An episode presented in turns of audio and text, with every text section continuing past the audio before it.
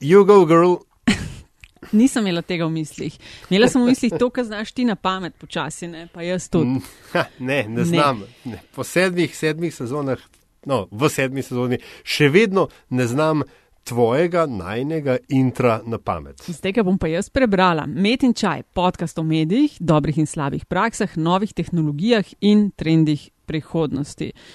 Gosti v medijih delajo, z njimi živijo in o njih razmišljajo, gostitelja pa sva Aljaš Pengov Bitenc, Radio Chaos in Nataša Briški, Metina Lista. Eh, pozdravljen, Aljaš. Pozdravljen, Nataša. Kaj vreme v Luksemburgu tedni? Um, kako bi ti mu rekel, dogodkovno? Protestirate kaj? Ne, to ne. Tukaj smo pač um, se navajeni valjati skupaj z kapitalističnimi udarci. Ne, hecam se. Zelo je v redu, toplo je, moram priznati, da je za ta konc oktobra kar v redu. Veliko dežuje, je pa tudi nekaj sonca, da se teč, torej, da se s kolesom v službo, v šolo, na pivo. Skratka, da se žvet. Je lepo tam teč, ta je tako narava, moram priti enkrat na obisk in no, ti, ja, no, ti ja, le prid, ne se že pet let. Kje povezave so zdaj najboljše? Kako se prije do Luksemburga? Zdaj ponovem se da na full način, odkar je Adria propadla, ima še ne 17 kompanij, ki vozi v bližino. Um, ki jih prej ni bilo? Ne, prej bila Adrija pa vizer, ne? in pol si shodil samo z vizerom, ker za Adrijo se mora redvico prodati, zdaj imaš pa še Brussels, pa dobro, Lufthansa. Skratka, en, zdaj kar naenkrat je na par načinov, da se da prijeti ali v bližino ali pa prav v Luksemburg. No? Tako da si toplo vabljena. In uh, če bo prehladno, te bomo za tvoje kočevske kosti bomo pogreli s kakšnim domačim šnopcem. Zelo prijazno je, ga bom prinesla sabo, kaj takšnega. Aljaš, ena sedem ena je številka, ki spremlja to epizodo. Zelo vesela smo vseh komentarjev in predlogov. Dobrodošli vedno na infoafnametinalista.si. Podsukate naj jo lahko za rokav tudi na Twitterju pod Afna Pengovski in Afna DC43. Um, vnaprej hvala, če se vam bo epizoda zdela zanimiva in jo boste delili. In vse, ki podpirate vsebine, hvala za vse in vsem, ki podpirate vsebine na Metin listi in tudi Metin čaj. Um, želi še kaj dodati, ali až na začetek, ali greva na tokrat? Da si res lepo odpeljala intro in seveda mi ravno kar jasno rada, zakaj sem me sprašvala po vremenu, ne? ker je to med deloma se dotika tudi uh, najne današnje teme. In gosti.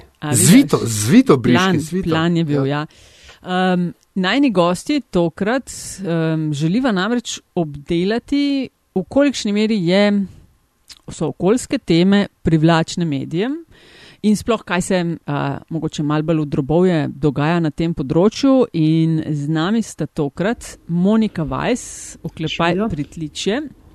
Zdravo, Monika. Živijo. In Kristina Božič, oklepaj večer.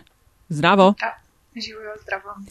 Zelo vesela sva, da ste, sta se nama uspeli pridružiti in se veseliva klepeta, ki ga pa začenjava zalažem vedno v metinem čaju na enak način in sicer, da gostje z nami delijo nekaj malega o tem, kaj so doslej počeli v svoji medijski karieri.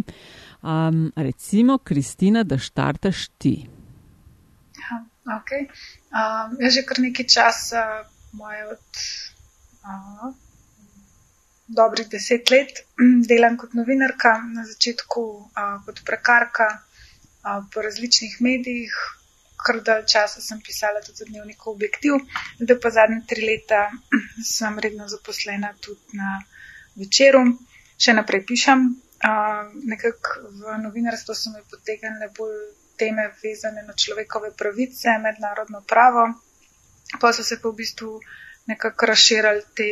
Um, boji oziroma prizadevanja, moji interesi na širše družbene boje, ki jih v zadnjih časih v veliki meri določajo pač tudi okoljska vprašanja. Mm, se res, Kristina, zakaj z dnevnika na večer je bila ta um, redna zaposlitev, je bilo to ključno tisto?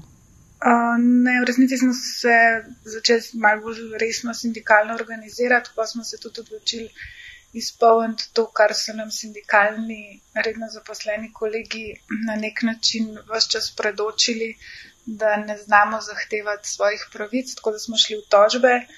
Um, in polja, iz tega se je v bistvu tam pač prekinilo sodelovanje. Tožbe so bile sicer dobljene strani vseh, um, ki so se za to odločili, mislim, da je cirka šest dobljenih sodb trenutno. Um, ja, jaz sem pa v bistvu pač našla možnost sodelovanja in potem tudi zaposlitve na večer. Mm -hmm. ja, Monika, še ti, ti imaš pa tudi precej zanimivo pot, mal drugačno od Kristine. Povej. Ja, mal drugačno. Jaz sem bila skoraj 15 let uh, novinarka na financah, pokrivala so večinoma banke, pa te vznemirljive finančne teme, javne finance. Uh, potem sem uh, dejansko po nekako uh, mogla malo izstopiti, čisto zaradi nekih, uh, recimo, temu osebno zdravstvenih uh, težav. Sem šla tri leta na Banko Slovenije uh, v, z, z idejo, da se bom tam. Uh, rahlo spočila. Je, ja, recimo temu tako, ampak uh, um, sem prišla v času po sanaciji bank, kar pomeni, da je bilo um, polno izzivov in ekstremno naporno, tako da zdaj sem pa dve leti zadnji um, na svobodi, samostovna podjetnica. Um, SP, delam pa, SP, tako, in Odlično. delam uh, v bistvu serijo enih pogovorov um, na okoljske teme v uh, kulturnem centru Slash lokalu Pritliče v Ljubljani je to. Um, druga stvar, pa še vedno pišem tu pa tam kako stvar, um, tako da to je moja. Um, moja zdajšnja dvoletna, zadnje dve leti uh, okupacija. V mladini sem te ujela, ne? Ja, ja, pišem včasih kakšno bančno za kak časopis, pa kakšno um, ekološko ali okoljsko za, za mladino za nazadnjo salonito. Ja. Mm, se pravi, ko si se skoraj 15 let na časniku finance profesionalno uh -huh. ukvarjala z gospodarskim okoljem, se zdaj na svobodi ukvarjaš. Um, samo z okoljem, večinoma. Ja. Samo z okoljem, ne? Noro. si zapisala v opisu. Ja. To je bilo bolj tako, uh, da vtip, ampak ne vem, če je tako noro, bolj je noro ta vsebina, s katerimi se zdaj, kot, uh, ko se malo bolj posvečam okolju, uh, srečujem. To, to bi bilo lahko noro del tega vsega. No, zdaj pa povejte za začetek, ne, uh, kako lahko ali pa težko je pokrivati okoljske teme. A je za to posluh? Uh, in v medijih, in tukaj, kjer uh, trenutno delujeta, ali uh, je to še vedno, da boš ti še ABCD pokrivala, pa pol še F, uh, mal, da vidimo, kaj se dogaja, Kristina. Jaz bi rekla, da mislim, interes je, jaz mislim, da se prepoznava, da je to vse bolj nekakšna tema. Predvsem takrat, ko izbruhnejo kakšna bolj resna okoljska vprašanja oziroma problemi. Um, je pa tako, da vsekakor ne vem, koliko je brano, no tako um, ponavadi bolj od kolegov slišam, da to niso teme, ki bi bile zelo brane. Um, kar se tiče pa tega, da pokrivamo, da nas več pokriva več tem, Pa ja, no, jaz mislim, mislim, moja izkušnja je, jaz sem sicer kasneje prišla na to tematiko okoljskih tem, tako da mogoče tukaj mislim, moram biti samo kritična tudi, ampak um, vem pa, da tudi v bistvu kolegica, ki na večeru pokriva, oziroma je pokrivala predvsem okoljske teme, zdaj pokriva tudi določena druga področja. Um, tako da ta del, kam rečemo mi, nekako uh, novinarski kolegi svaštarjanje, to je vse bolj prisotno in problematično. Opažaš, da je tega vse več, svaštarjenja, manj specializiranja? Jaz mislim, ja, mislim, da. Mislim, tako pač celo rekla bi, da je vrednota, da je novinar sposoben napisati pač kratko novico o čemer koli. Problem je zdaj to, kaj se pač razume kot kratko novico. Um, če je to poročilo iz tiskovne konference, razumem. Ampak v resnici tudi to, je lahko postavljeno pod vprašaj, če ti prideš tja in potem v bistvu pač samo preneseš nekritično oziroma brez nekega poznavanja. No, mislim pač novice, ki so jih pripravili za te vnaprej, sploh recimo po okoljskih temah, se mi zdi, tiskovne konference bo pač sklicalo Ministrstvo recimo za okolje, sklicu jih bo, sklica, mislim, sklica, sklicalo jih bo kakšno podjetje, korporacija mednarodna, redko kdaj jih bodo pa recimo sklicali ljudje, ki so direktno um, efekti, torej ki jih direktno zadeva neko vprašanje.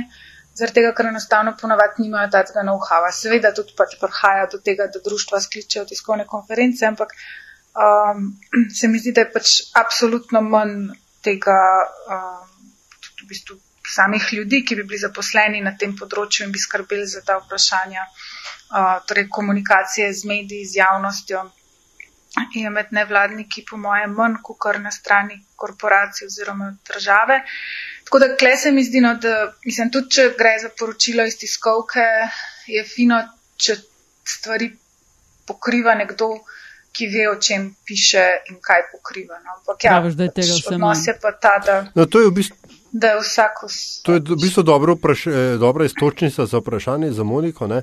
um, ki, Monika, ti se zdaj že nekaj časa ukvarjaš ravno z um, problemi oziroma posli, zdravstvenimi posledicami um, se pravi, kaj je to, industrije v, v Anhovem, Salonitu Anhovo in, in tako dalje.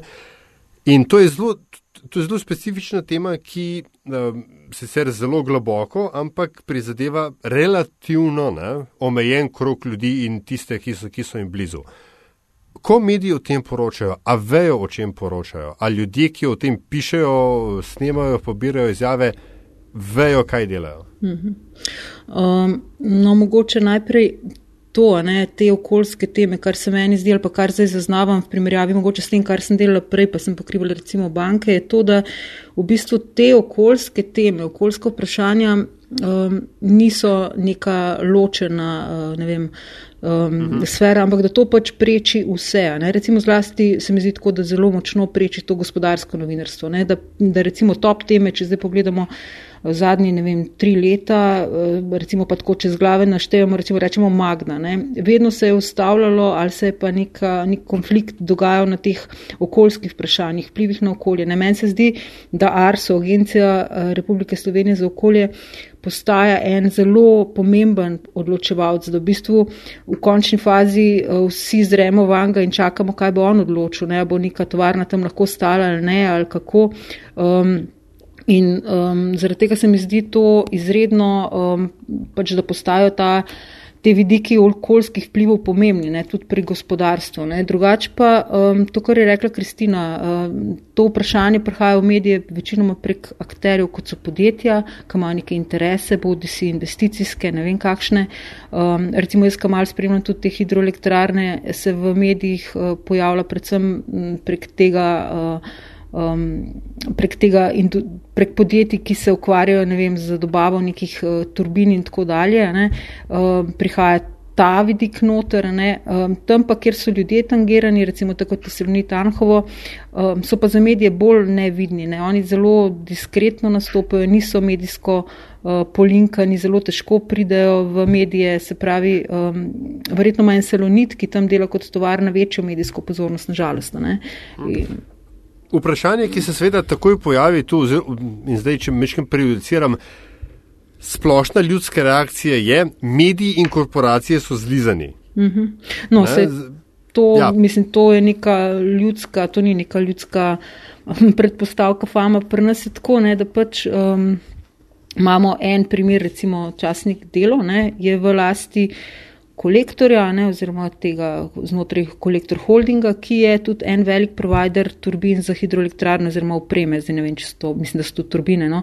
Ampak m, mm, to je ena taka povezljivost, ki je, ali pa eno dejstvo, ki je dejstvo pač in je.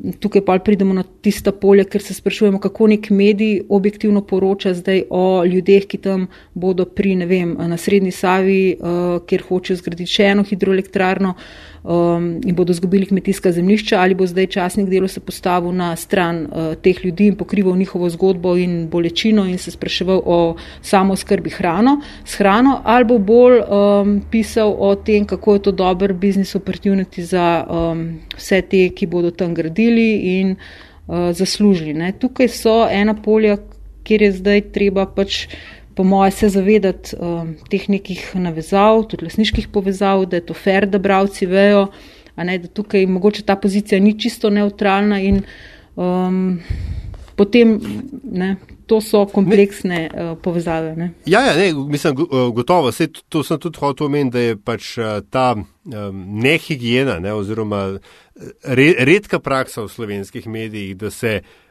naredi full disclosure, ne, kako se temu v lepi slovenščini reče, ne, da pač poveš, ali je časnik medij, za katerega delaš kakorkoli povezan z objektom poročanja, tega pri nas vsa čas izjemam, ampak nasplošno ni, kar je katastrofa.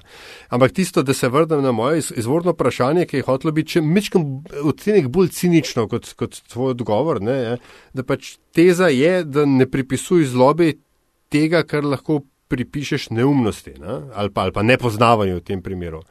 A je možno enostavno, da uh, na splošno novinari, ki se ukvarjajo s specifičnimi temami, dobro, danes govorimo o okolju, lahko gre tudi za vem, zdravstvo, ki, ki je tudi tema, ki se um, v bistvu prekriva ne, to situacijo v Anhovem, da v veliki večini ne poznajo dovolj dobro, da jim lahko, da rečem, korporacija po domače povedano proda čisto vsaka jajca.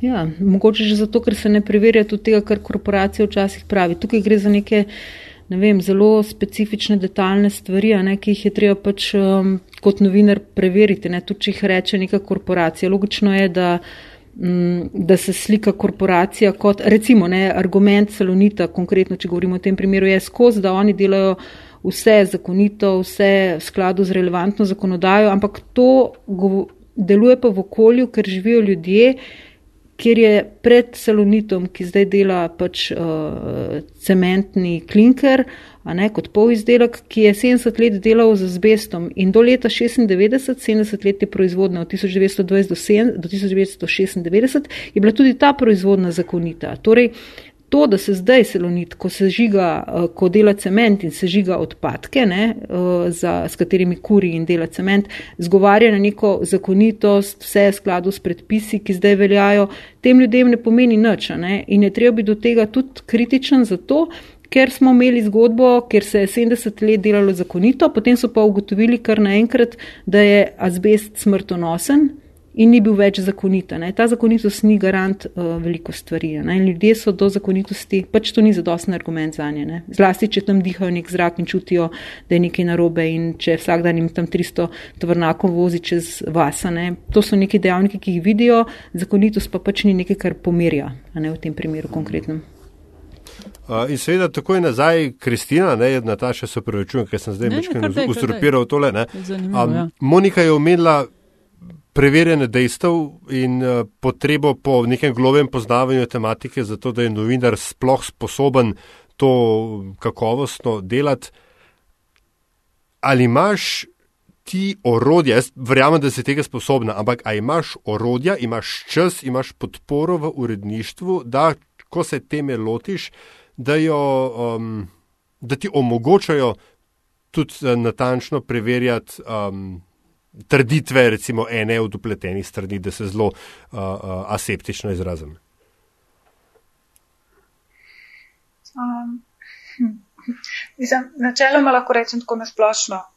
Ja, ampak ne, se mi zdi, da je po veliki meri to odvisno od tega, koliko tega si tudi vzameš. Zdaj je pa tako polje pač za razumeti tudi nekako novino. No, sej, zato, zato pa vprašam, ker vsi vemo, koliko je ura. Ne? In, ja, um, In ponavadi ura je pol vedno se omer ne, zvečer, ker recimo treba oddati članek oziroma treba zapolniti prostor, plus da zdaj recimo saj, mislim, v zadnjem času se mi zdi, da je tudi ta trend, da saj v dnevnih časopisih so neke pač um, recimo šablone oziroma omejitve, koliko prostora je namenjeno določenemu članku, pa se včasih lahko pol tudi ne, se namen več prostora, ampak recimo na dnevni ravni, ne, torej če nekdo um, javi, da bo tiskovna konferenca, um, te pošljajo tja in potem si v bistvu omejen tako časovno glede samega preverjanja tega, kar si tam zvedel, kot um, prostorsko,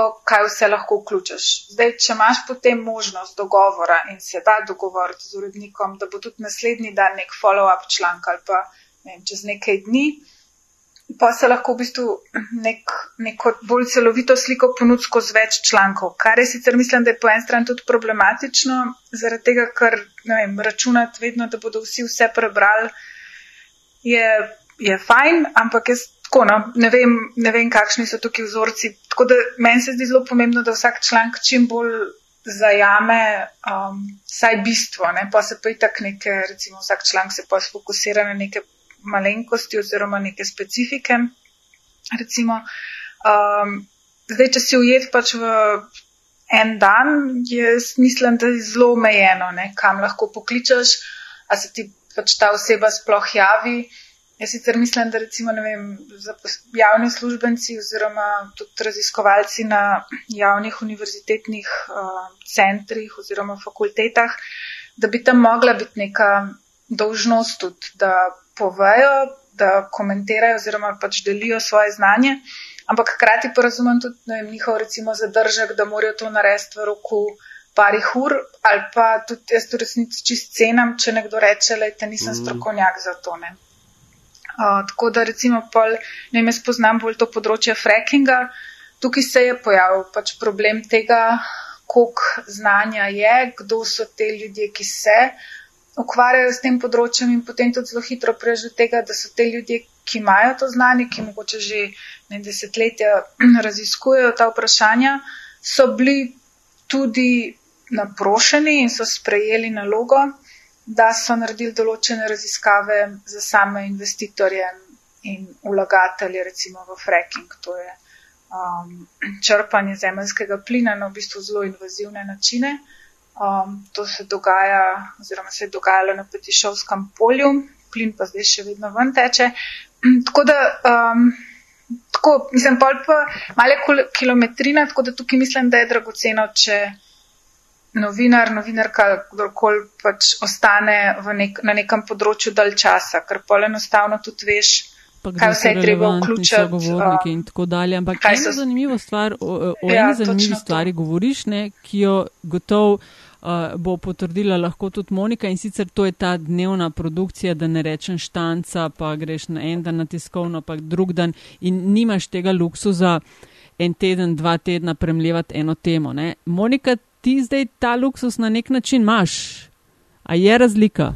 Ja, to sigurno jaz jemljem kot luksus, da pač uh, imaš opcijo, da se da prvič temo zbereš, uh, ker mi te pogovore pač delamo s kolegico Ireno Vele pa Nino Kodrič, se pravi, same se nekaj dogovorimo. Tukaj se same, kaj bomo obdelali, te pogovori so načeloma enkrat na mesec v Prtliču. Uh, imeli smo do zdaj recimo polik Selonita Anhova uh, še pa tudi fracking, uh, ne, pardon, frackinga še nismo imeli, smo ga pa napovedali.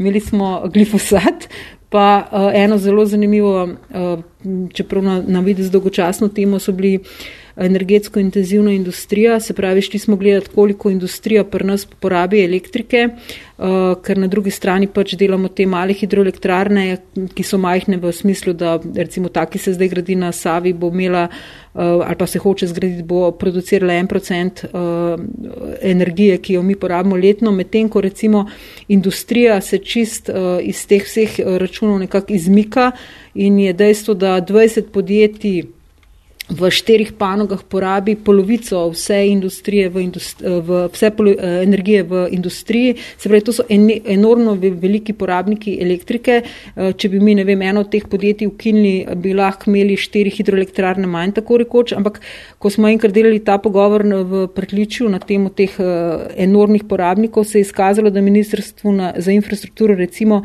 nimajo enega posebnega uh, človeka ali pa nekoga, ki bi se ukvarjal prav s, s temi največjimi porabniki, tudi zato, ker je recimo poraba elektrike med v, v, v podjetjih poslovna tajnost in se formalno sploh ne bi smelo vedeti, da to so ti največji porabniki. Skratka, tu je en kup nekih bizarnih uh, stvari.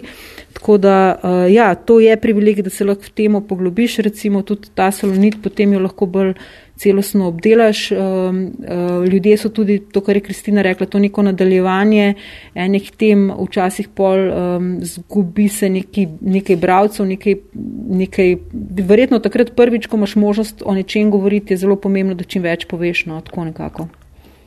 Mm. Um, eden od uh, tako dost važnih Zdaj, no, novinarske osnove, ne, ampak presojati, kdo so relevantni viri in kdo ne, in seveda, ker je, ne, če se zdaj postavim na neko spet aseptično pozicijo, da ima vsakdo v tej zgodbi nek svoj partikularen interes, ne, vloga novinarjev in medijev pa je, da kot gatekeeperi um, filtrirajo vse to v nek, nek, neko, kaj ne bi bilo približno eni od objektivnih možnih resnic. Skratka, kaj hočemo vprašati?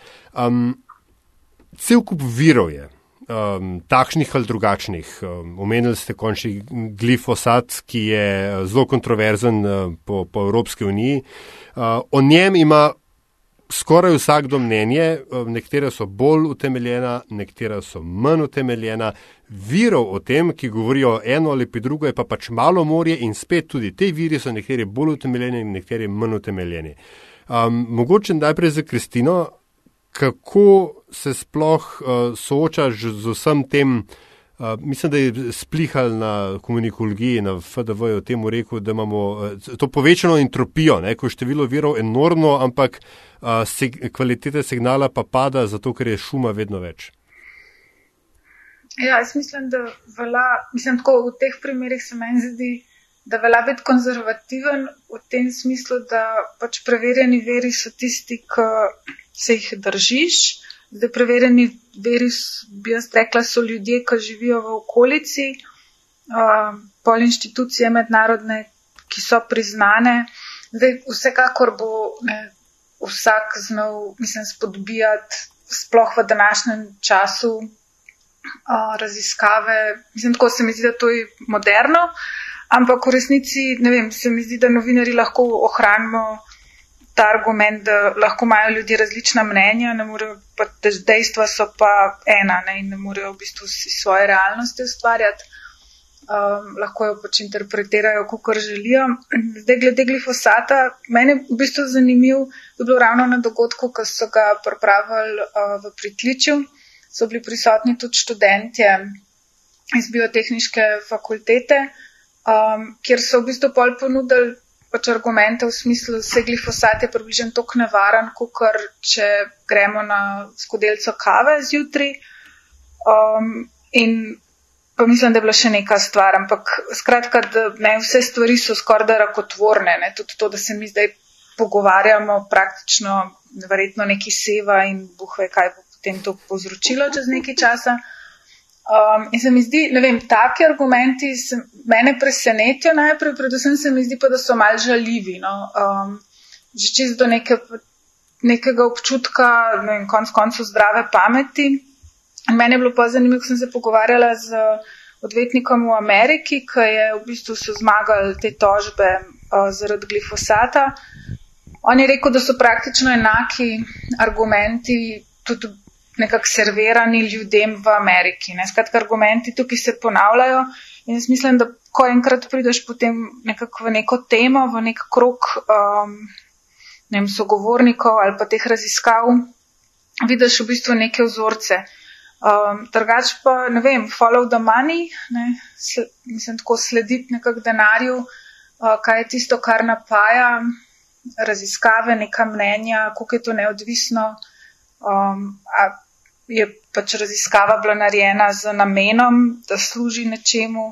Uh, tukaj pri glifosatu je bilo v bistvu zanimivo tudi, ker je potem prišlo do neke raziskave, tudi ker je pripravil, mislim, da onkološki inštitut tukaj v Ljubljani, ampak je, bilo, je bila financirana tudi ta strani Albava, uh, samega podjetja, kar so lokalni ljudje tam v bistvu bili tega na nek način veseli. Um, zaradi tega, ker je pomenil, ne, da bo to raziskava, ki jo bodo vsi sprejeli. Ampak je pa potem vedno vprašanje, kaj se ne preizkuje, kaj so podatki, ki se jih vzame, kaj so podatki, ki se jih analizira.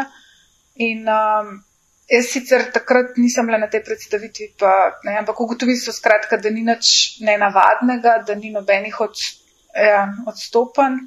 Um, mislim pa, da je kle v bistvu, da velja te zgodbe malo tudi povezvati. Ker recimo kar mislim, da Monika pa Irena opozarjata glede Anhova, je to, kako ljudi v bistvu iz enega okolja zdravstvenega doma potem razpošiljajo na različne lokacije, kar pomeni, da se razpršijo podatki, tudi recimo, če pride do visoke pojavnosti nekih obolenj. Pa da ne kaže uh, pol na določen kraj, da je tam kakšen ja, problem, ne? Točno to in pol v bistvu, mislim, hkrati pa ne so pričevanja ljudi, ki pa rečejo, veste, ne, smo ugotovili, da v tej ulici ima praktično vsak raka, ne, ali pa, ne vem, v vasi, ne, vsak pozna nekoga, ki je umrl. In se mi zdi, mislim, to šteje, ne, Um, ne glede na, mislim, to nekaj je neobičajno. Ne? Ljudem se zdi, da so videli, da je, ne vem, tam, uh, kako se tem reče, voda, torej mlaka, pa ni mlaka, ampak je bazenček, ne, ki so ga imeli, um, da je kar naenkrat pač postal popolnoma zaraščen, oziroma da rib ni več tam noter bilo in da je neki narobe. Um, tako da ne glede na to, kaj potem ti vse rečejo, kako je vse zdravo in super, uh, mogoče strani same tovarne, tako se mi zdi, da velja prisluhant ljudem. No? Mm. Um, Ja, Monika, to bi te vprašala, no, ker je že Kristina eh, namignila tudi na ta salonit Anhovo, ne, ki si mu ti kar nekaj časa posvetila. Zdaj mi dva zalažem, poskušava znotraj metinga čaja v tej novi sezoni, uh, tudi um, mogoče še malo intenzivneje, kot sva v prejšnjih sezonah delala, se ukvarjati s tem uh, skupaj z gosti s uh, check factingom, kot sva to poimenovala kakšno vlogo, ne, ok, so zgovarjanja na neke zakonodaje, ki se lahko izkažejo, tako kot si mislim, da ti eh, Monika že omenila čez 70 let, da pa mogoče pa nekaj ni bilo tako zdravo, kot smo leta 30 pa 50 rekli, da je. Ne. Zdaj pa 80 odstotkov naše zakonodaje je tako rekoč vezane na EU. Ne. Ka, a je tukaj EU, ne vem, nekdo, ki postavlja više standarde ali je zlito z nacionalno zakonodajo, ki ima preniske. Kakšno vlogo igra tukaj? E, tukaj pri tej, mogoče, če se vrneš k temu, temu fact-checkingu ali pa komu zaupaš neki zgodbi, ta salonit je tako učni primer, um, recimo ali pa tako zelo ne, v bistvu nenavadni izjemen primer, ki se malo vanga poglobiš. Ne, v smislu zato, ker tukaj recimo eh, so prebivalci, ki imajo tam eno eko društvo in se že več let, um, večinoma so to bolniki z azbestozo ali pa že z nekimi razvitimi tudi. Uh, Drugimi boleznimi, ki so posledica 70 let azbesta, no in zdaj imajo oni v okolju tam tovarno, se pravi, ki se žiga odpadke in Eh, dela cementa, ne, naprej so podvrženi. No in tukaj je zanimivo to, kar um, njihova velika zaveznica je uh, pač zdravnica dr. Metoda Dodič Fikfak, ki je takoj po prekinitvi proizvodne azbesta tam prišla in začela pač raziskovati, um, uh, pogledati, kdo so bili vsi zaposleni v tistem času in spremljati njihovo zdravstveno sliko, v bistvu vseh teh ljudi, ki so bili tam zaposleni in ona je nesporno dokazala, da je pač azbest uh, povzročil ne samo raka, uh, mislim, uh, to ta uh, raka pljuča, ampak da ima vpliv še na en kup drugih uh, bolezni. In, uh, in tukaj je pač ona njihova uh, velika zaveznica in ona ima eno tako zanimivo stvar, ki jo ponavlja, nažalost pa ni najbolj, uh, nima nekega odmeva in je tudi, uh, to je to, da pač mejne vrednosti, ki so pri teh stvarih zakonsko določene, se pravi, ko gre neki stvari, je še dopustno spuščati v, v zraka, ne? da so to pač stvar političnega konsenza. To niso stvari, ki so dogovorjene samo izključno z namenom varovanja zdravja, ampak, ampak so nek političen kontekst, ne? uh, konsensa, ne? se pravi, med temi željami industrije. In tukaj je v bistvu ta okoljska zakonodaja, ki jo morajo spoštovati te, recimo tudi, ki se žigajo odpadke, uh, nekako se je nasplošno, ali pa vse te tovarne, ki, so, ki imajo te status potencijalnih velikih onesnaževalcev, ker imajo neke naprave, ki se lahko spremenijo v te onesnaževalce, če bi do česa prišlo. Uh, ta zakonodaja se je pri nas zrahljala leta, leta 16, ne, 2016 recimo, ne, in to je bila ena od točk, kjer se je rahljala, je bila ta, ki jo ne bi bilo treba pač zrahljati, če jo ne bi želeli, ker Evropa tega ni zahtevala. To je takrat tudi takratna ministrica jasno povedala, se pravi, to je recimo tisto, da so bila okoljevarstvena dovoljenja uh, po desetih letih praviloma so nehala veljati, bila so časovno uh, omejena. Uh, zdaj so pa postala s to spremembo zakona po Cererjevo vlado pač neomejena časovno. Ne. Se pravi, če nima podjetje nekih uh, sprememb ali pa če ni nekih uh, uh, vlog, ki bi uh, napotovala, da je nekaj, uh, nekaj se spremenilo, uh, če nišče ne protestira, se pravi, lahko to traja večno. Ne. Zdaj, uh, hkrati je postopek takšen, da je vel, večja moč. Um, pač tukaj se nekako je uh, zelo odpravljalo te neke administrativne uh, ovire za industrijo. Ovire. Zdaj, mm. tukaj, se pravi, ta sprememba konkretno za odpravo časovno omejenosti okoljevarstvenih dovoljenj, to ne bi rabili narediti, ne? to ni Evropa od nas zahtevala, ne? ampak smo naredili samo v imenu odprave administrativnih ovir. So pa recimo določene uh, uh, zakonodaje ali pa pravila, ki so pa enaka za Evropo in smo jih od tam prevzeli in to recimo je na tem polju za nazadnje ekokrok. Eh, prav za eh, področje urejenosti sežigalnic, pa so sežigalnic. Sežigalnice so tiste, ki so profesionalne in samo sežigajo odpadke. Eh, medtem ko recimo Salonit je pa ker je cementarna, ki pa dobiva energijo s kurjenjem odpadkov, ima pa status tako imenovane sosežigalnice in to je za ta bizarnost, na katero je tudi ekokrog z Macerolom zdaj v zadnjem času opozarjal, za sosežigalnice veljajo više mejne vrednosti. Ne. One lahko v bistvu, uh, če živiš ob sosežigalnici, si lahko potencijalno tole, torej podvržen uh, večjemu uh, onesnaževanju, kot če živiš ob sežigalnici. In tukaj je v bistvu ekokrok in uh, okoljevarstvene organizacije pozivajo na ravni EU k izenačitvi teh mejnih vrednosti in uh, odpravi tega razlikovanja, ki se zdi pač lajkom ali pa v bistvu ne, nerazumljivo. Ne.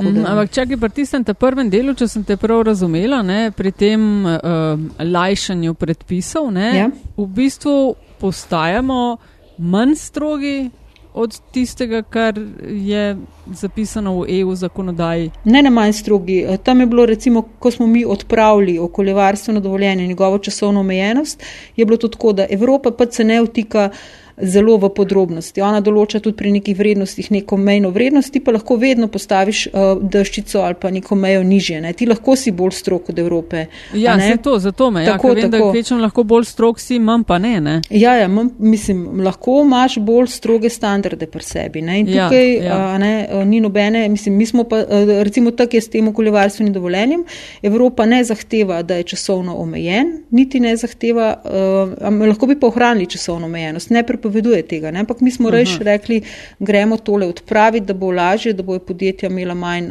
Ker če je časovno omejeno, pomeni, da je bilo čez deset let popolno nova pridobivanje, se pravi, če strogo presojo okoljskih vplivov in tako naprej. In zdaj tega pač to smo zdaj odpravili. Ne? Tako da v bistvu uh mhm. -huh. to je to. Ne?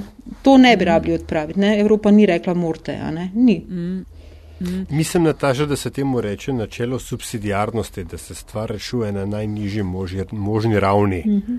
Recimo, ne, če sem si jaz prav zapomnil. Ampak ja, je, je, je pa v bistvu to zelo dober primer, ne, kako se um, take navidez mehne birokratske um, v narekovajih uh, olajšave. Ne, uh, sprejemajo tako rekoč mimo, um, kaj je to, iz, izven, izven uh, limelighta, ne, z lepo slovensko besedo, stran od oči javnosti, kot se mhm. reče, uh, in imajo nekaj, kar zgleda samo um, zmanjševanje birokratizma, v bistvu uh, resne dolgoročne posledice uh, za ljudi, za okolje, ne, ki bo imel pa spet posledice za proračun, za gospodarstvo, za vse, če že pač eh, odmislimo uh, ta precejšnji um, pač, davek na, na zdravje sam. Ne. No, jaz bi še eno stvar, ki je mogoče specifika pri nas, pa ne vem, če je to pač v Evropi podobno, ampak pri nas recimo imamo zdaj stanje, ki je tako, da je strankarski šef okoljskega ministra in posledično direktorice Arsa, ne, gospodarski minister, ne,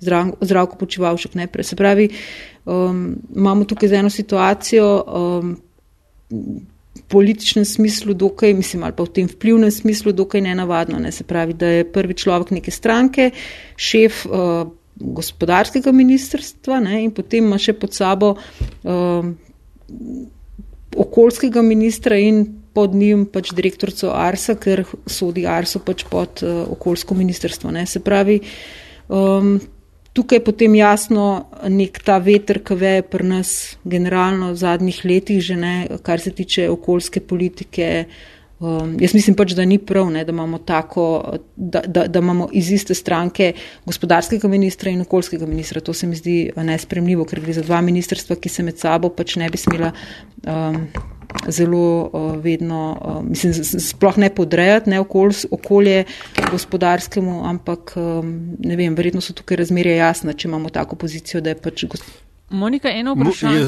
Oprosti, Taša, moram, mm. daleč od tega, da bi hotel braniti bodi si počevalška, bodi si kaj zdaj zajca.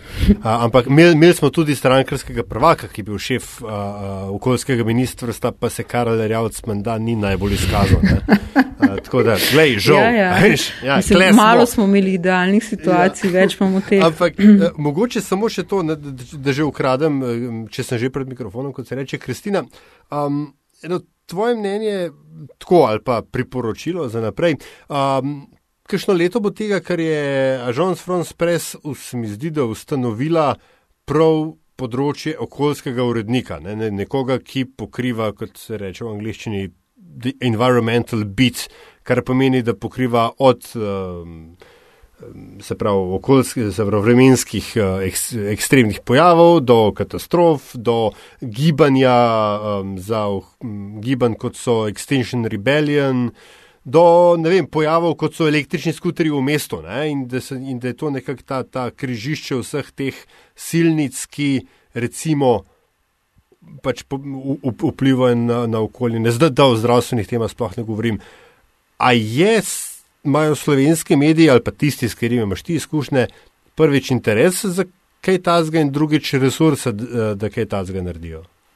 Jaz v resnici bi najprej tako, mislim, zdi se mi vsekakor, da je to nekaj pozitivnega, če to pomeni večjo pozornost okolju.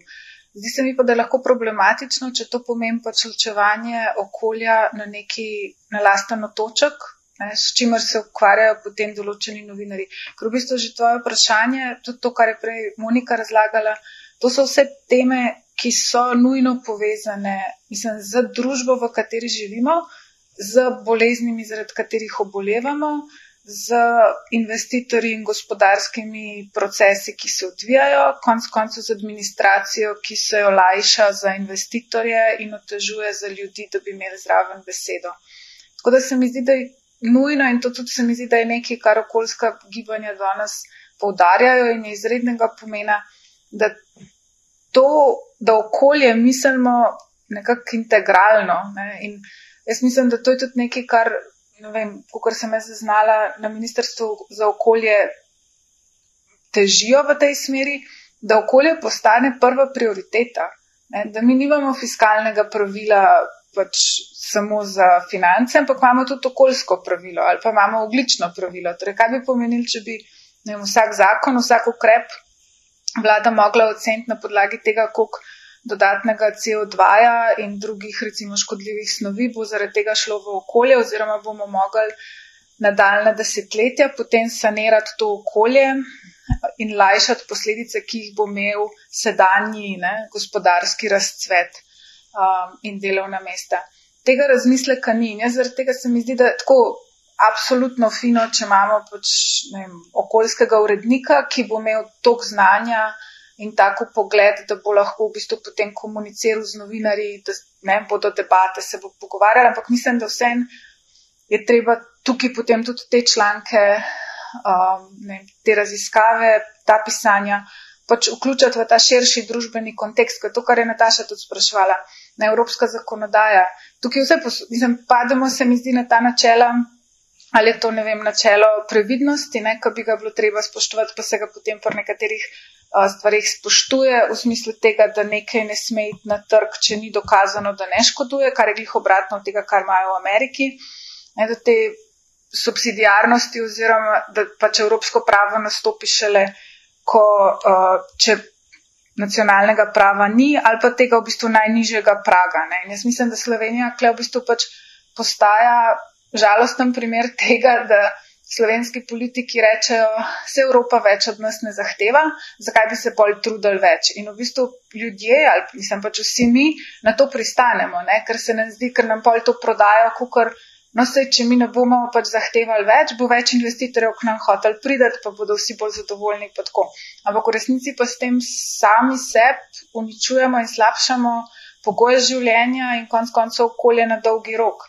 Um, tako da tukaj se mi zdi, in Evropska unija, mislim, moje, kar ne vem, gledam, zdaj mogoče moja izkušnja tako zelo zveni, vem, da imam neko blazno izkušnjo, ampak v bistvu opažanja so ta, da pri nekih večjih temah, kot je glifosat, pač tega preboja ni, se ni uspel ga narediti.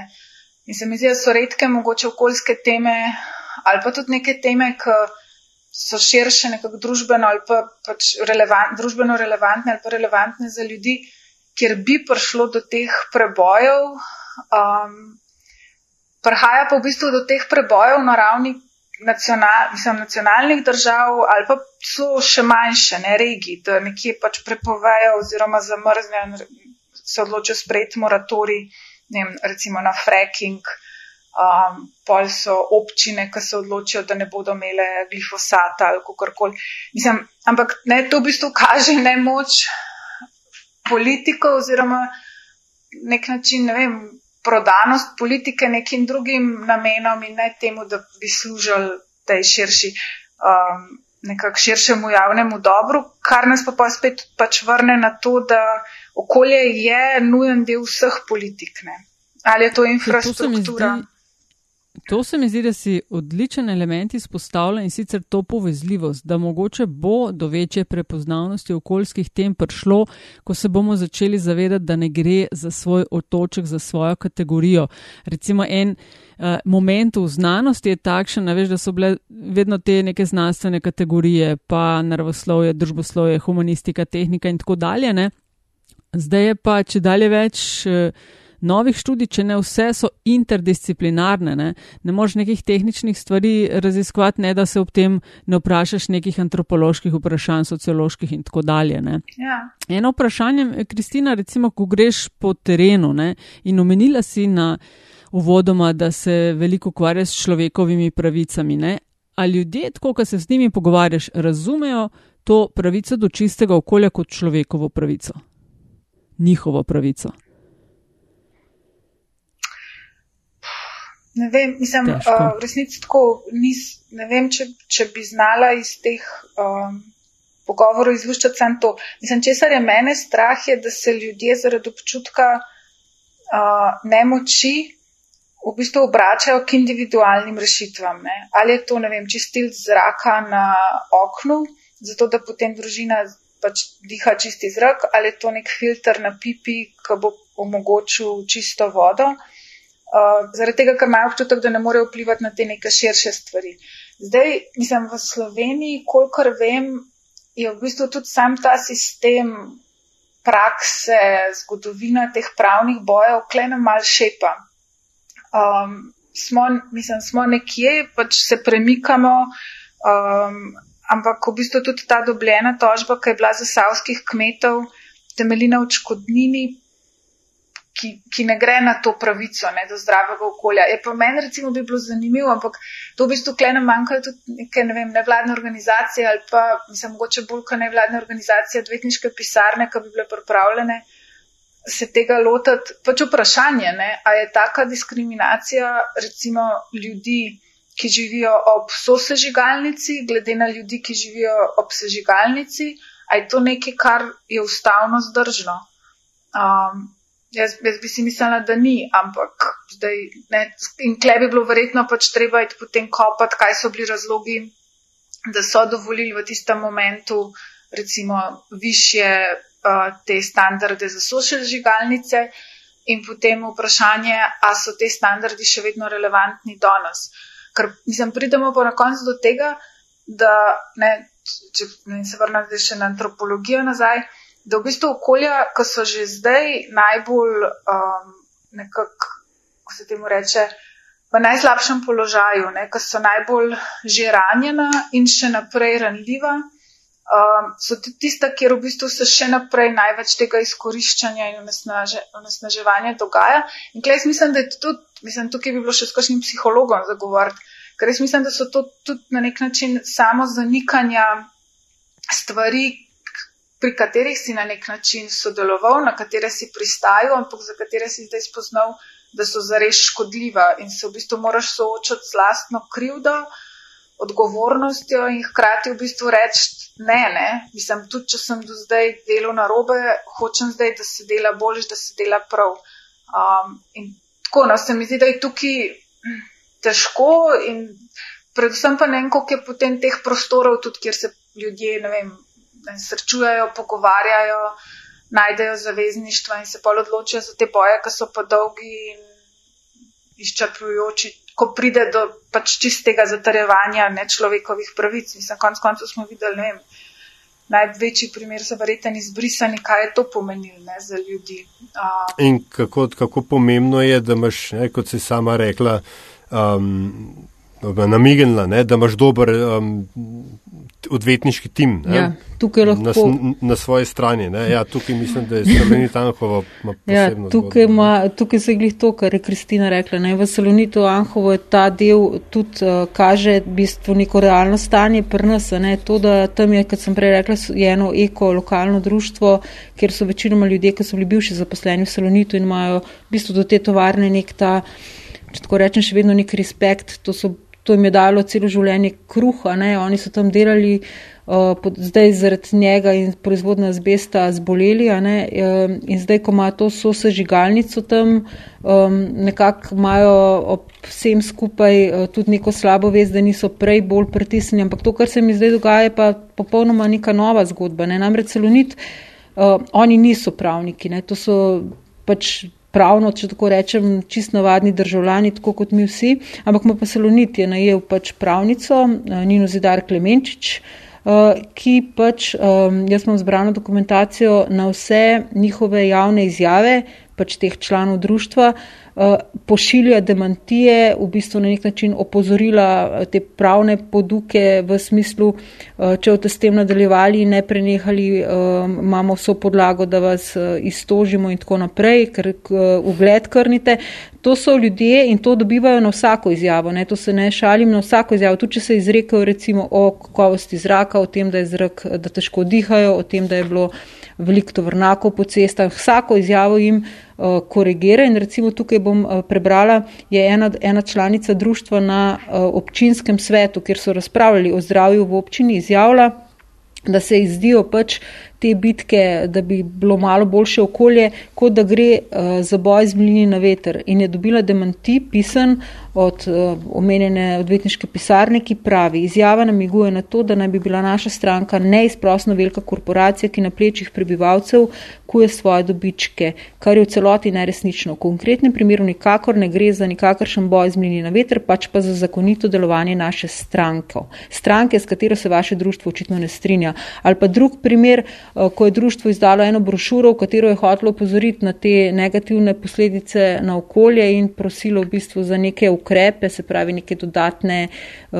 filtre, manj uh, nesežiganje odpadkov in tako naprej, je bilo prvi stavek v tej brošuri. Brošura, ki jo držite v rokah, želi opozoriti na skrb zbojajoče stanje našega bivanskega okolja. To je izdalo pač društvo iz Deskel oziroma Anhovega in na to izjavo, ta prvi stavek je odvetniška pisarna poslala demanti, ki se glasi, stanje bivanskega okolja v okolici naše stranke po nobenem kriteriju ni zaskrbljujoče, eh, navedeno izhaja že iz meritev kakovosti zunanjega zraka in drugih študij in meritev navedenih kot vir v tem besedilu. In potem jim demantira, se pravi, če se oni opredelijo o tem, kakšen zrak je na njihovem vrtu, eh, to odvetniška pisarna in salonit razume tako, da opredelitev do njega. Vse, kar je njihovo življenjsko okolje, je njegovo poslovno pač poslovno okolje, okolje in tako naprej. In to je, mislim, te ljudje, e, ko to enkrat dobiš in se malo to poglobiš, mislim, je jasno, da tukaj ni neka, da tukaj ne gre za neko pravično. Um, Da tukaj 72. člen ustave, ki pravi, govori o zdravem življenjskem okolju, apsolutno se ne izvaja. Ne? Da tukaj je neka velika uh, veliki spregled, zgodba, napaka. Tako, tako. Lokalni prebivalci mal brez moči. Ja. Totalno brez moči. Ja, zdaj mi pride na pamet nek uh, angliški pregovor, ne, ki bo zdaj slabo preveden, ki ima pravi, če so na tvoji strani dejstva, potem tovci z dejstvi. Če, na, če je na tvoji strani zakon, tovci z zakonom, mm. če pa na tvoji strani niso ne zakone dejstva, pa tovči po mizi. Ampak jaz sem odvetniki. Ja, no, hodno sej, mislim, da je ja. kle nekje, ne, ta simbolika. Um, mimo grede, slučajno sem naletel na priročnik za izvajanje presvojih posledic predpisov in politik, uh, ki ministrstva za javno upravo, uh, ki pravi med drugim, da um, s, uh, pač mora vsaka nova ali pa um, predlagana sprememba predpisa ali politike eh, vsebovati tudi iskanje alternativnih in kumulativnih rešitev ter njihove presoje. Ta presoje pa zajema področje trajnostnega razvoja, kot so hkrati navedeno gospodarstvo, okolje in družba, upravičenost administrativnih bremen ter finančno zdržnosti in alternativnih rešitev. Skratka, A načeloma se oblast zaveda pomembnosti okoljske presoje na spremembo oziroma pri spremembi predpisov. Zdaj pa imam dobro in slabo novico. A, ta tekst je, a, dobra novica je, da ta tekst obstaja, slaba novica je pa, da obstaja že od julija 2011. ja. Poskušam kle zdaj neko, neko, neko pozitivno noto najdete ali država, oblast, vlada, vem, lokal, lokalne oblasti so proaktivne pri rekel, iskanju rešitev, ampak se zavedajo tega, teh problemov, ne, ker gre za tudi več partikularnih problemov in saj poskušajo nekako pomagati, reševati, eh, iščejo, ne, ne jamrejo, iščejo rešitve. Ne, ali je to brkane samo um, pač spuščajo meglo in eh, rečejo, ja, ja, seveda, hvala lepa, tam le so vrata. Ok, dolgo si odgovor. jaz, bi, jaz, jaz bi sicer, uh, jaz bi rekel tako, da po moje se redko katere odločijo za boj, mislim tako za prizadevanja. Um, da bi resno se tega lotili, zaradi tega, ker v resnici je to naporno in zoprno in naletiš na velik nekih interesnih skupin, um, povezav, ki jih mogoče sploh ne poznaš. Zato je to napisano že od leta 2011. Jaz mislim, ja, ne. v marsikašnem pravilniku, v marsikaterem zakonu piše, jo super stvari. Zaradi tega, ker Slovenija je bila zelo pridna pri tem prepisovanju evropske zakonodaje uh, malo slabšnem, pa v bistvu gre pri tem, da bi to uživili. Uh, in vidimo tudi, v bistvu, da vsak poskus, da resno vzamemo to, kar tam piše, ali pa da resno vzamejo pač zagovorniki okolja, naravovarstveniki, okoljevarstveniki te stvari, um, naleti na zelo hud uh, odziv ne, strani v bistvu centrov moči, ki obstajajo. Pa če se vrnem na to, kar je, mislim, da Monika omenila na začetku, ali si ti Nataša, ne Magna. Mislim, pa, in mislim, da je takrat ali že predtem, ko so bili omenjeni kaj ekoteroristi. Ne, Zdaj, to so, mislim, meni se zdel po en stran, ok, to so stvari, ki jih ne, se jim smejiš v obraz in nadaljuješ ustrajno naprej s tem, kar delaš. Ampak v resnici pa sploh recimo prmagni, Um, tam so se pokazali zelo veliki interesi in zelo veliki pritiski na ljudi. Um, tako da, in tukaj pa, mislim, tako se mi zdi, pač ne, ni verjetno možno pričakovati od nekih ljudi, da bodo ne vem, ne, žrtvovali vse v imenu nekih višjih idealov. Um, je pa potem v bistvu vsaj to upanje ali pa želja, da je teh ljudi dovolj, da ne vem, predajajo štafeto in da se ta boj ne konča in um, nadaljuje. Tega, ker je pa nujno potreben, mislim, tako brez tega, da se zahteva, da se spoštuje, recimo, take zapise, se jih pač ne bo. Ne? Um, in v bistvu edin, kar bomo dobili nazaj, po moje, čez nekaj let, je, da bomo slišali od Ministrstva za javno upravo, od Ministrstva za gospodarstvo, pa še od predsednika vlade, da se te stvari vse so bile narejene in sprejete tako, da se je vse to upoštevalo. Mm in da kaj se zdaj klemi oglašamo in nam ni všeč. Se smo imeli možnost, da bi se oglasili mm. takrat. Kaj pa, Monika, še zadnje vprašanje, pa gremo pa na zanimivost. Uh, so po tvojem mnenju, ko si raziskovala to, uh, tudi salonit pa ostale zadeve, ne? So lokalni mediji bolj del rešitve ali problema? Če se ne motim, si eno zanimivo raziskavo, raziskavico ob tem naredila, ne? ampak so eni zanimivi rezultati. Se pravi, so po tvojem mnenju lokalni mediji, torej tisti, ki spremljajo dogajanje na lokalni sceni, veliko bolj intenzivno ali pa vsaj naj bi, bolj del rešitve ali problema. Uh, mislim, z tega, kar sem jaz, jaz sem v dveh primerih malo to bolj opazovala. En primer je bilo pač ta, ta gradnja hidroelektrarne uh, na spodnji Savi, Mokrice, kjer jo gradi pač državna firma HES, hidroelektrarna na spodnji Savi. Uh, in uh, potem sem tam mal gledala, pač, kaj se financira iz. Uh, teh energetskih podjetij. Ne, energetika je pri nas ekstremno močna. Ne, to mislim, da je lani imela 7 milijard evrov prihodkov, se pravi skoraj ena manjša država. Um, uh, oni obrnejo ogromno denarja, lahko najamejo ogromno lobistov, oni so edini, ki imajo najetega, tudi lobista, ki ga ima Huawei, tudi tistega najetega, ne, ker si ga lahko prvošči državna energetika in tako naprej. Skratka, tam recimo je videti, ko gledaš te um, finančne tokove, um, te drobtince, ki jih mečeta državna energetika v, na lokalno raven, da tudi lokalni mediji velik teh drobtinc dobijo, ampak to so za nje pač ključni veri in od njih živijo, ne, to so skoraj pretežni veri. Se pravi, to so mediji, ki obstajajo tako rekoč lahko samo zato, ker obstaja tam ena velika firma in jih um, vsak, vsako leto Podpira, na tri mesece ja, tako ja. terane. In temu posledično je tudi v bistvu pol vsebina. Ne. Mi smo, uh, jaz sem pomagal, mislim, tam so recimo enkrat smo prek uh, na medijski inšpektorat dali en intervju z direktorjem tega HESA, ki je bil narejen tako članek, da je bil vprašanje odgovor, vprašanje odgovor, skratka kot pravi intervju na kar smo hoteli poslati popravek uh, dejstev na ta intervju in so rekli, da absolutno to ne gre, se je to oglas vendar, ne, kva, da tega ne vidimo, ne, ni bilo nikjer označeno, da je oglas. Potem je eh, oglaševalska zbornica potrdila in dala nam prav, da je to nedopustno, kar je forma in oblika, na katerega je to v lokalnem mediju prezentirano. Skratka, on si je sam postavljal vprašanje in daje odgovore. V teh odgovorih je pa pač po blatu in popluval vse, kar je možno teh, ki so proti hidroelektrarnam. Tako da v bistvu je to ena zanimiva izkušnja bila eh, in isto je tukaj pri Salonitu. Ne. To so podjetja, pač, ki financirajo ne samo lokalne medije, ampak tudi vsa lokalna društva, od športnih društev, gasilskih društev, lovskih društev in imajo celo lokalno skupnost nekako pod sabo, naredijo jo odvisno od sebe, so hkrati veliki zaposlovalec, po nekaterih informacijah tudi malo poskrbijo, da se neka velika podjetniška inicijativa tam uh, spontano ne razvija, se pravi, so vsi, vse nove zaposlitve odvisne uh, od njih. Se pravi, tukaj je neka, te, te velike industrije pač naredijo potem lokalno okolje, odvisno od sebe in uh, pa je jasno, da tam pravila igra, igre določajo ti močni subjekti, seveda. Ne kot kakšne groundbreaking. Seveda. In tudi zgodne, lokalni ne? mediji so odvisni od njih, ne praviloma. Ne? Ja, ja, ja, ja, ja. Um, Zelo zanimivo, gladko bi lahko še uh, nadaljevali, ne aljaš? Ampak, Tako je, ampak ker je treba nekje pristaviti piko. Ura je čas in nekje je treba postaviti piko.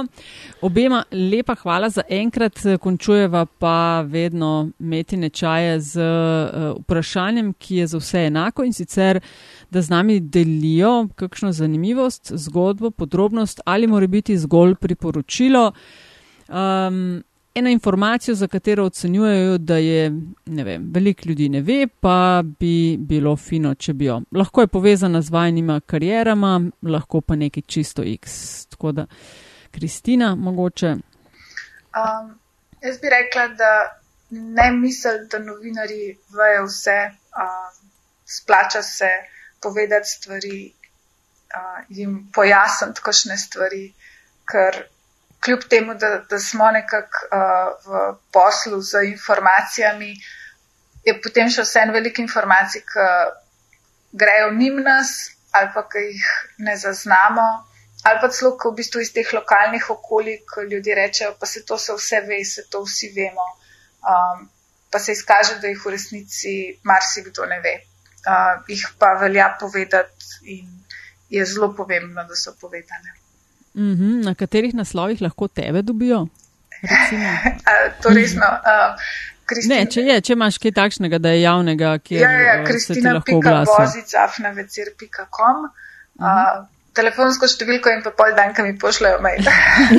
okay. Monika? No, jaz bom tole mal uh, izrabila za eno vabilo. Mi pripravljamo v pritličju 14. do 16. novembra letos um, Grounded, to je festival elektronske glasbe, kritične misli in um, aktivizma. Letošnja tema bo avtomatizacija in oblast, to je podobno kot okolje, se pravi, govorili bomo o tehnoloških spremembah, ki jih nekako javni sektor ali pa oblast uh, vpeljuje brez tega, da bi bili o njih veliko ali pa nač vprašani. Uh, gre pa za zelo relevantne stvari, govorili bomo o avtomatizaciji novinarstva, avtomatizaciji resnice, recimo prek sodstva, avtomatizaciji revščine, se pravi vpeljevanju v neke socialne sisteme, tako da bo tri dni uh, zanimivih uh, debat in tudi glasbe, uh, pa vse lepo vabim na to. O, to je dobro, da si na to spomnila. Se pravi, kdaj? Med 14. in 16. 16. november v Prtličju oziroma glasbeni del bo bil tudi delno na Metelkovi, um, bo pa plakati k mali po Ljubljani vidni, tako da vabljeni. O, super, odlične teme imate in hvala obema, da sta bili najni gosti. Hvala vam. Hvala vam. Ja. No. Ja, da ste si vzeli čas. Ja, ja. in spoštovanje. Več kot enkrat, aj to skrivnost. Nismo povedali še. Zanimivost na koncu. No, ja. Skratka, zaključujem pa s tem, ne, da če se vam je zdela vsebina zanimiva, bo vas zelo vesela, če boste za ta podcast povedali še komu in ga delili po vaših kanalih. Uh, za mnenja in vse ostalo pa na Twitterju sva Afna Pengovski in Afna DC43. Monika, ti pa mislim, da si tudi ne, za Kristino vem, da ni, ti pa si na Twitterju. Ne? Sem jaz, sem ne me vprašati, kako imam, uh, uh, mislim, da sem vajsmo ali mo vajs, nekaj takega. Veliki okay. monik vajs. Skratka, tam je lahko podsukate za rokav. Hvala vsem. Hvala tudi, eh, Monika Kristina. Hvala. Hvala.